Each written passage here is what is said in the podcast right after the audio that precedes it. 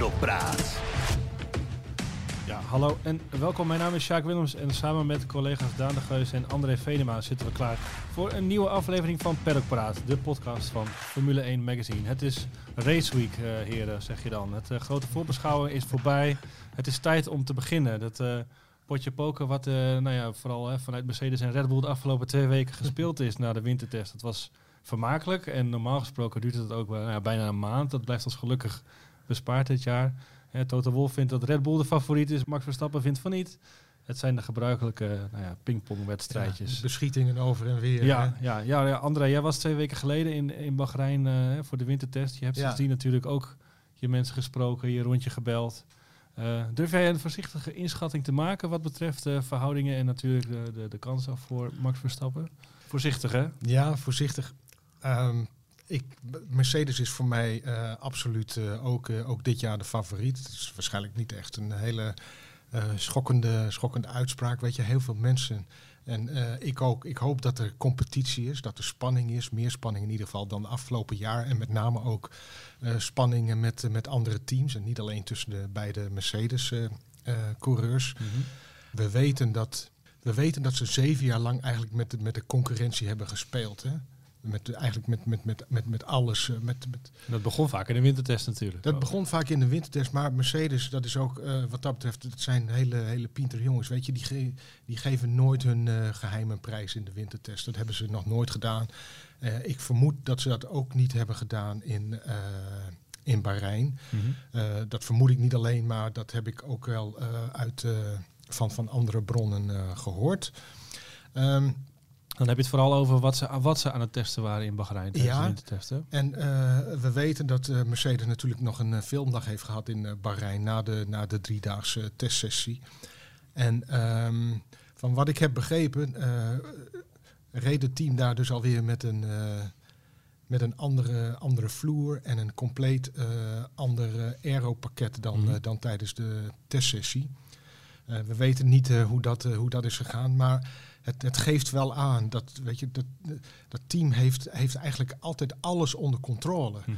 En eh, ik, ik zie niet in waarom dat nu anders zou zijn. Ja, ik, kan me, ik kan me herinneren dat ze twee jaar geleden was het geloof ik met een soort eh nou ja, standaard auto opkwamen dagen in Barcelona voor de eerste week. Ja, En, 2019, eh, ja. Dat is het 19 inderdaad, ja.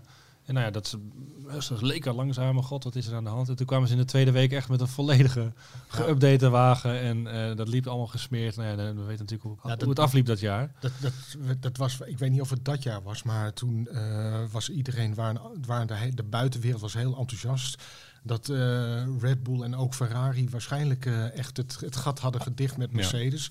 Terwijl Mercedes al wist, hè, vanuit, de, vanuit de simulator, dat ze eh, minimaal een seconde sneller waren dan, eh, dan de snelste tijd die ze hadden neergezet in Barcelona. Daniel had gisteren een, een stukje. Toto Wolf noemde de, de W12, de auto van dit jaar, noemde die alweer een diva. Is dat dan weer zo'n eh zo'n speldenprikje van, eh, nou, Ja, een kleine diva noemde die Een hem kleine inderdaad. diva. Ja, ja dat, het is toch weer een beetje dat typische indekken, zo voelt het. Hè? Ja. Dat, eh er zullen Nergens voor ongetwijfeld... nodig, en ook al zal die auto misschien enige nukken hebben, dan nog, er zit, er zit zoveel potentie in. En wat André ook zegt, weet je, Mercedes heeft gewoon liggen eh, verschillende aeropakketten. Of, of die nou op de plank liggen, kant en klaar, of, of klaar om te maken. Die kunnen ze er zo opschroeven als het nodig is. Of in ieder geval binnen niet al te geruime tijd. Dus ook al staan ze straks in Bahrein eh, toch op achterstand. Wat volgens mij niemand aan tafel hier echt verwacht. Hè. En het zal zeker geen achterstand van een halve seconde zijn. Eh, da- dan, dan zullen ze dat gat absoluut kunnen, kunnen dichten weer. Ja, maar goed, het optimisme bij, eh, nou ja, ook vooral bij de pers natuurlijk. Hè. Iedereen omheen wil Mhm. natuurlijk dat er strijd is. Bij Red Bull zie je dat ook wel terug. Natuurlijk is Max Verstappen zelf eh, altijd, eh, nou ja, we moeten het maar zien in, in een Q3. Die zegt er nooit zoveel eh, Nee. veel over. Maar eh, Hij- dat, hij- dat, dat het gat dicht, kleiner zal zijn, dat, dat, dat zou toch nog wel eens ku- kunnen. Maar dat ze er helemaal voor zullen zitten, dat... Ja, zeker. En, en vergeet ook niet, Bahrein is niet per se Mercedes sterkste circuit, historisch gezien. Dus ze hebben natuurlijk vaak gewonnen. Komt natuurlijk ook een beetje door het gebrek aan tegenstand in, eh, in, in die jaren. Eh, afgelopen jaar waren ze er toevallig wel, eh, wel vrij sterk. Maar Bahrein is ook niet de, de- misschien de graadmeter die Barcelona is. We weten van Barcelona is het ideale testcircuit. Barcelona is, of eh, Bahrein is toch meer een, een power circuit. Eh, natuurlijk ook aparte omstandigheden met die wind, met de zand, met de hitte. Mhm. Dus het is niet per se zo dat straks in, in Bahrein, als bijvoorbeeld de Red Bull goed gaat en Mercedes niet, dat dat de rest van het jaar zo is. Nee, nee. En over Max Verstappen gesproken, hij zat, zat bij Ziggo in het Formule 1 café en daar deed hij toch ook een... een eh, daar vertelde hij hoe Mercedes zijn snelle rondjes reed in, in Bahrein. En dat boostte toch ook wel weer enige angst in. Het kwam erop neer, geloof ik, dat ze een snel rondje deden en dan een cool-down lap en dan nog een snel rondje. Maar dat het verschil waarop ze die twee snelle rondjes reden, dat, eh, dat daaruit zou blijken, nou ja, er zit nog veel meer in het vat. En eh, sta je niet blind op de tijden, was zijn eh, boodschap ook vooral. Ja, want er zat vooral ook veel benzine in het vat bij Mercedes Dat, tijdens dat de test waarschijnlijk ook inderdaad. Ja. Ja, ja, ja. Jij gaat voor ons naar Bahrein. Wat is voor jou het, eh, het grootste vraagteken wat betreft eh, de verhoudingen? Nou ja, toch wel weer die, die, die strijd vooraan dus. Wat Ja. natuurlijk de afgelopen jaren wel eens anders is geweest. Dus dat is wel leuk. En verder ja, die enorme club die daarachter zit. Hè, met eh, Alpine, eh, McLaren, eh, Aston Martin, Ferrari. Ferrari waarvan iedereen eigenlijk dacht van nou, dat was niet zo indrukwekkend. Maar die schijnen thuis in Maranello toch wel redelijk tevreden eh, eh, geweest te zijn over, over de test. Dus dat Mhm. is ook interessant om te zien van hen. eh, maken die dan hun eigen verwachtingen waar? Of, Zouden zij ook niet? verstoppertje hebben gespeeld? Net als nou, dat denk ik niet. Volgens mij was. Carlos Sainz op die laatste middag nog wel redelijk aan het, aan het pushen. En zelfs met enige ergernis richting Mm. Kimi Räikkönen tot, tot gevolg op het eind. Maar ja, dat is interessant om te zien. En ook Alfa Tauri zat er, eh, zat er goed bij. En le- leek ook gewoon een auto te hebben die heel eh, gewillig was. Wat ook gewoon wel eh, ja, waardevol is, los van de rondetijd natuurlijk. Normaal zegt Marco altijd dat het de beste wintertest ooit was. Maar nu zei Gasly het zelf ook, eh, las ik vanochtend. dus eh, Ja, nou ja, kijk, Alfa Tauri heeft de meeste rondjes gereden tijdens, tijdens de test. En die hebben een, een probleemloze test gehad. Eh, geen enkel probleem met, de met de Honda-motor, die ook af en toe toch eh, helemaal eh, open is eh, geschroefd. Dus ik, ik begrijp wel dat, ze, dat ze zeggen dat ze de beste test ooit hebben gehad. ja. Maar nogmaals, of het goed genoeg is, en dan met name voor, voor Red Bull, dat, dat, dat, dat valt nog te bezien. Ik Ja. heb, toen ik zondagavond van het circuit vertrok met, met onze fotograaf, met Peter van Egmond, toen kwamen we nog wat Red Bull personeel tegen. eh, en dan niet monteurs, maar eh, zeg maar uit het eh, wat hogere segment. En daar hebben we nog even heel kort wat, wat mee staan praten. Maar ik had toch wel de indruk dat ze hun, hun enthousiasme na afloop van die test een beetje moesten, een beetje moesten verbergen. Ze waren echt, ze waren echt enthousiast en, Mhm. en optimistisch. Dus weet je, dat was Max Verstappen ook eh, na de test. Dat is natuurlijk, eh, dat is natuurlijk hartstikke, hartstikke mooi. En wat zou, het toch, wat zou het toch ook geweldig zijn als we echt een, eh, een tweestrijd gaan krijgen. Of een driestrijd. Of weet je, hoe meer hoe beter. Om het, om het kampioenschap. Weet je, dat, is- Ja. dat heeft deze sport gewoon zo hard nodig na zeven jaar. Daarover gesproken. Ik zag een, een quoteje van Nico Rosberg. Niet, niet te Ja. beroerd om eens een keer de knuppel in toen ook te gooien. We hebben vier, vier potentiële wereldkampioenen, zei hij. Dus Hamilton, Bottas, Verstappen en ook Perez. Wat vinden we daarvan? Ja, nou ja, het is natuurlijk wel een puntenpakker Perez. Hè. En als- ik denk zeker als andere steken laten vallen... dat hij misschien wel zich tot een soort outsider kan eh, ontpoppen. Maar puur qua talent zet je hem natuurlijk niet op het niveau eh, Verstappen, eh, Hamilton. Ik Nee. denk dat, dat Perez en Bottas, met alle respect, zijn, zijn eh, uiteraard hele, hele goede coureurs. Maar eh, dat zijn niet de coureurs die ik eh, eh, als potentiële wereldkampioenen eh, beschouw. Het zou Nee. natuurlijk wel leuk zijn inderdaad. En stel je voor, er gaat een paar keer wat mis vooraan... dat die jongens dan de kruimels oppakken... en zo toch ook een woordje kunnen meespreken. Want dat verandert ook de teamdynamiek. En dat maakt dat dan natuurlijk weer interessant. Maar over een heel jaar kunnen Bottas en Perez, eh, Hamilton en Verstappen niet aan. Punt. Ehm, iets anders. Deze week wordt bekendgemaakt dat eh, de, de coronamaatregelen in Nederland eh, nog niet, niet zullen veranderen. Dus zal, de avondklok zal blijven. Evenementen zijn nog, eh, nog, nog taboe. We zitten natuurlijk met die Grand Prix van Zandvoort in, in september. Ik denk dat men daar ook de persconferenties steeds weer met spanning afwacht. Ehm, nu zag ik eh, vanochtend een eh, een quote van eh, Robert van Overdijk, de directeur van de Grand Prix in, in, in het Algemeen Dagblad. Dus ik heb een, eh, eigenlijk acht weken voor, eh, nou ja, voor de uiteindelijke datum hebben zij het, het groene licht eh, eh, nodig. En dan kunnen ze opbouwen en dan zijn ze er helemaal klaar voor. Hoe, hoe, hoe zit die spanning bij jullie? Nagelbijtend? Dat is natuurlijk voor ons ook een, eh, een belangrijke datum. Ja, nou ja, ik hoef niks op te bouwen, dus dat scheelt al. Maar eh, nee, kijk, ik denk dat iedereen... niks te boeken. Ik hoef niks. Nee, nou ja, misschien nog een wat treinkaartjes of zo. Maar eh, weet je, ik denk dat iedereen in Nederland met, met, met smart wacht überhaupt op verlichting van de maatregelen. Maar specifiek wat de sport en Formule 1 betreft, natuurlijk op, op een ja of nee over die Grand Prix. En in welke vorm die er gaat komen, met, met, met hoeveel fans. en en of inderdaad die datum in september gehaald gaat worden. Eh, er is natuurlijk weinig eh, ruimte om hem nog te verplaatsen verder. Dus eh, het, het zal echt wel begin september moeten komen. Nee. Eh, en ja, het zou natuurlijk fijn zijn als je daar inderdaad in juni, eh, uiterlijk juli, die duidelijkheid over krijgt. Ook voor die 100.000 fans die eh, Ja. per dag eh meer Het voelt toch alweer heel 100.000 onwerkelijk hè, om 100.000 fans op zo'n Ja. evenement Ja, toe te Het laten. is, Ja, want het ik- is een hele grote stap, hè? Ja. Want Ja. ik, dat, dat hoorde ik dus gisteren bij, bij Voetbal Insight met van sportmarketeer Chris Woods. Weet je, dat in Nederland in de zomer, als, er, eh, als het E- Europese kampioenschap voetbal is, dat er misschien met publiek eh, eh, gespeeld kan worden. En dat zou dan 25% van de capaciteit eh, zijn. Dus Ja, dan heb je het over. maar uit, ja. Dan heb je het over 15.000 mensen in de, in de arena. Ja. Weet je, dan, en dan, dan hebben we het ook over wanneer? Juni, juli neem ik aan. Eh, volgens mij is dat juni toch, EK? Ja? ja. Dus dat zit, ja, oké, dat zit dan nog. Maar goed, maar met, het, eh, met, ja. het huidige, eh, met het huidige vaccinatietempo eh, gaat het natuurlijk ook niet, eh, niet opschieten. Eh, Nee, 19.000 mensen per dag. eh, 29 geloof geloof ik. ik. Of en- 29. En, ja. 900.000 eh, in Engeland Ja. op een dag. En Ja. 6 miljoen in, eh, in een weekend in Amerika. En het is natuurlijk ook nog veronderstellende dat er niet weer een nieuwe variant komt die bijvoorbeeld immuun is. Er zitten heel veel haken en ogen aan. En ook dat inderdaad de gevaccineerde mensen, ja, dat moeten ook maar net eh, een groot deel van je eh, bezoekersgroep zijn natuurlijk. Ja. Dus er zitten wel haken en ogen aan eh, wat dat betreft, denk ik. En Ja. het- het- het- weet je, Baku, eh Azerbeidzjan, de Grand Prix van Azerbeidzjan, die gaat door dan eh, zonder publiek. Hè, verder weten we op zich eh, nog niet zo eh, heel veel eigenlijk wat er verder gaat gebeuren dit Die jaar. zat daar ook nooit heel veel publiek. Nee, er zit nooit heel veel publiek, maar goed. ehm, Zien we mensen uit een raam Ik bedoel- hangen. Ja. Maar in het Imola bijvoorbeeld, weten we of daar publiek eh, bij mag zijn? Ik, ik heb nog niets eh, gelezen. Ik denk het niet, hè, want Italië staat, eh, staat ook op rood en is ook weer in, eh, in een strenger lockdown gegaan. Ja. Duitsland. Duitsland ook weer. eh, nou, nou, nou, Er wordt weer met een avondklok gedreigd, eh, ook Ja, in Duitsland. ja. Het Ja, gaat niet maar- goed in ieder geval. Nee, maar Spanje, Spanje Portugal, weet je. Krijgen we weer net zo'n seizoen eh, eh, als vorig jaar gewoon zonder publiek? Of kan het pas na de zomer? Het is- Ja. er zijn zoveel, eh, zijn zoveel vraagtekens. De vraag is natuurlijk ook een beetje, niet om een te grote coronadiscussie te verzanden, maar hè, er wordt telkens gezegd van ja, dit is het laatste beetje en daarna hè, kan, kan het vrij. Maar ja, stel je voor dat valt net in augustus, september, ja, dan kan een Grand Prix misschien toch wel eens in een lastig vaarwater eh, terechtkomen. Perlpraat.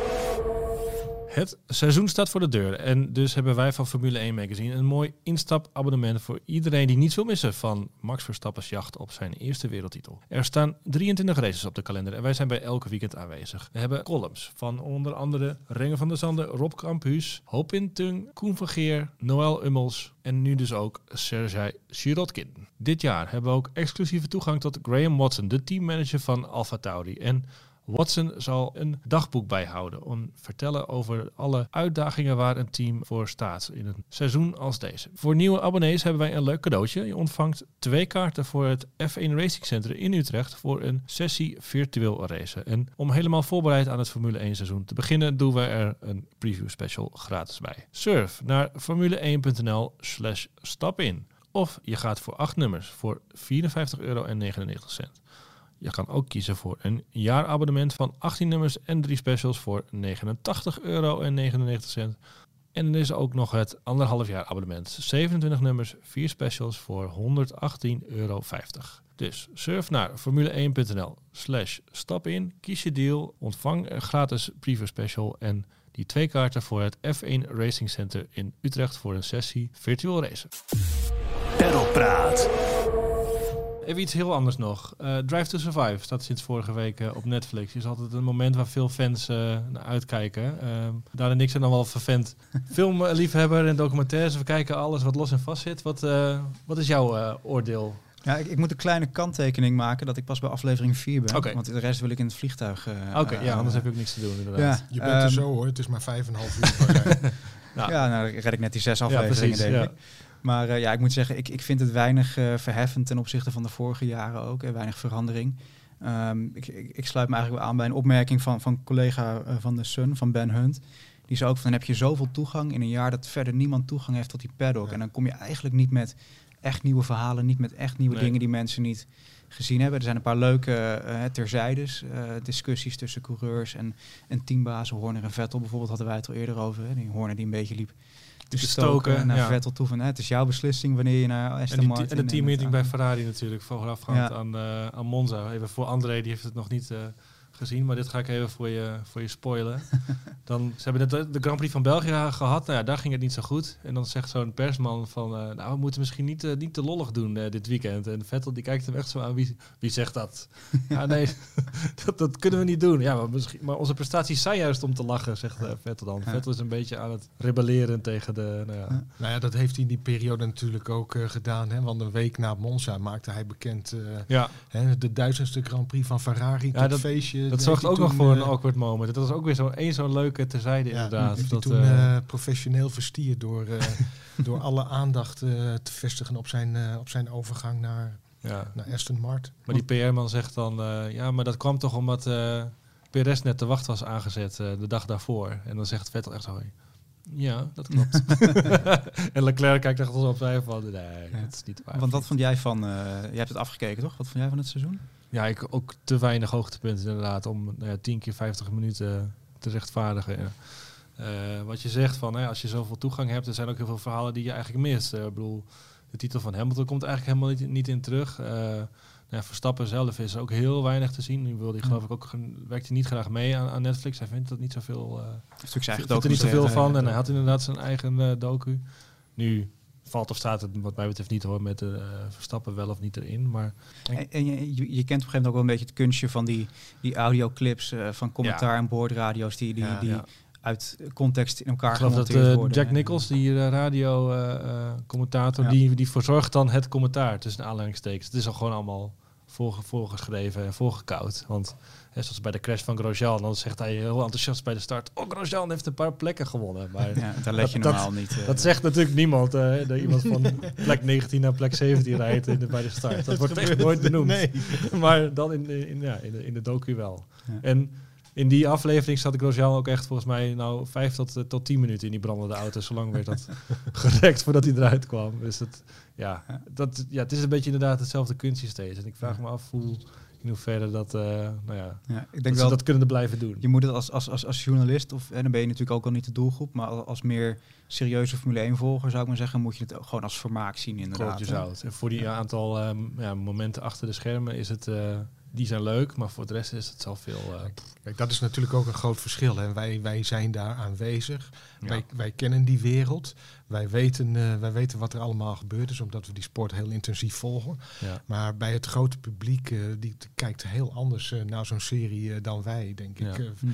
nou, met een, uit, het, uit het oogpunt van entertainment. En Ja. wij kijken er misschien veel, veel beroepshalve veel professioneler. En wat ook een beetje de rode draad is, is dat dus, nou ja, coureurs weten voor het seizoen al dat ze weggaan. Hè. Ricciardo weet dat, Vettel weet Ja. dat, Mhm. eh Sainz weet dat. Nou ja, en dan wordt het dus bij al die transfers wordt er gesuggereerd dat er heel veel frictie is. Bij Ricciardo en Ja. Renault klopte dat. Men was bij Renault natuurlijk Mhm. best wel pist dat hij eh, plots wegging.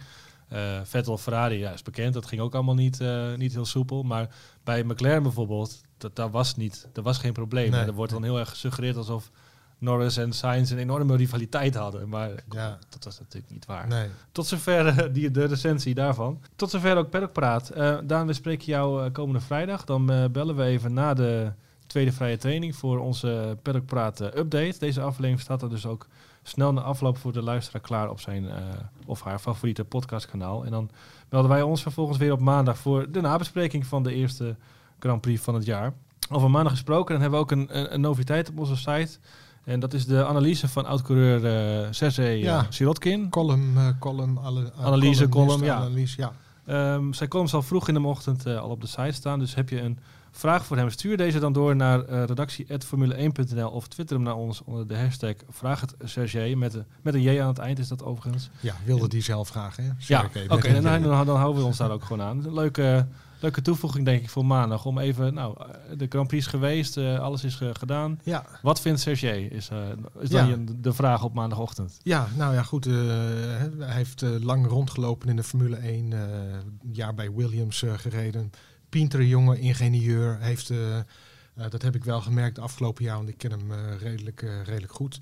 Hij heeft een hele interessante mening en uh, vindt het ook uh, fijn om over Formule 1 te praten. Volgt alles zeer intensief. Ja. Heeft nog steeds goede, goede con connecties in, in het rennerskwartier. En ik denk dat het, echt een, dat het echt een aanvulling is. Ik wilde ook heel graag iemand uit de Formule 1 aan ons portfolio als het ware toevoegen. Ja. Dus, op maandagochtend? Op maandagochtend op, op de site van, van ons Formule1.nl. Ja. Oké, okay, voor nu bedankt voor het luisteren. Veel plezier alvast met het uh, nou ja, komende raceweekend. En uh, we melden ons weer de volgende keer. Formule 1. Pedalpraat.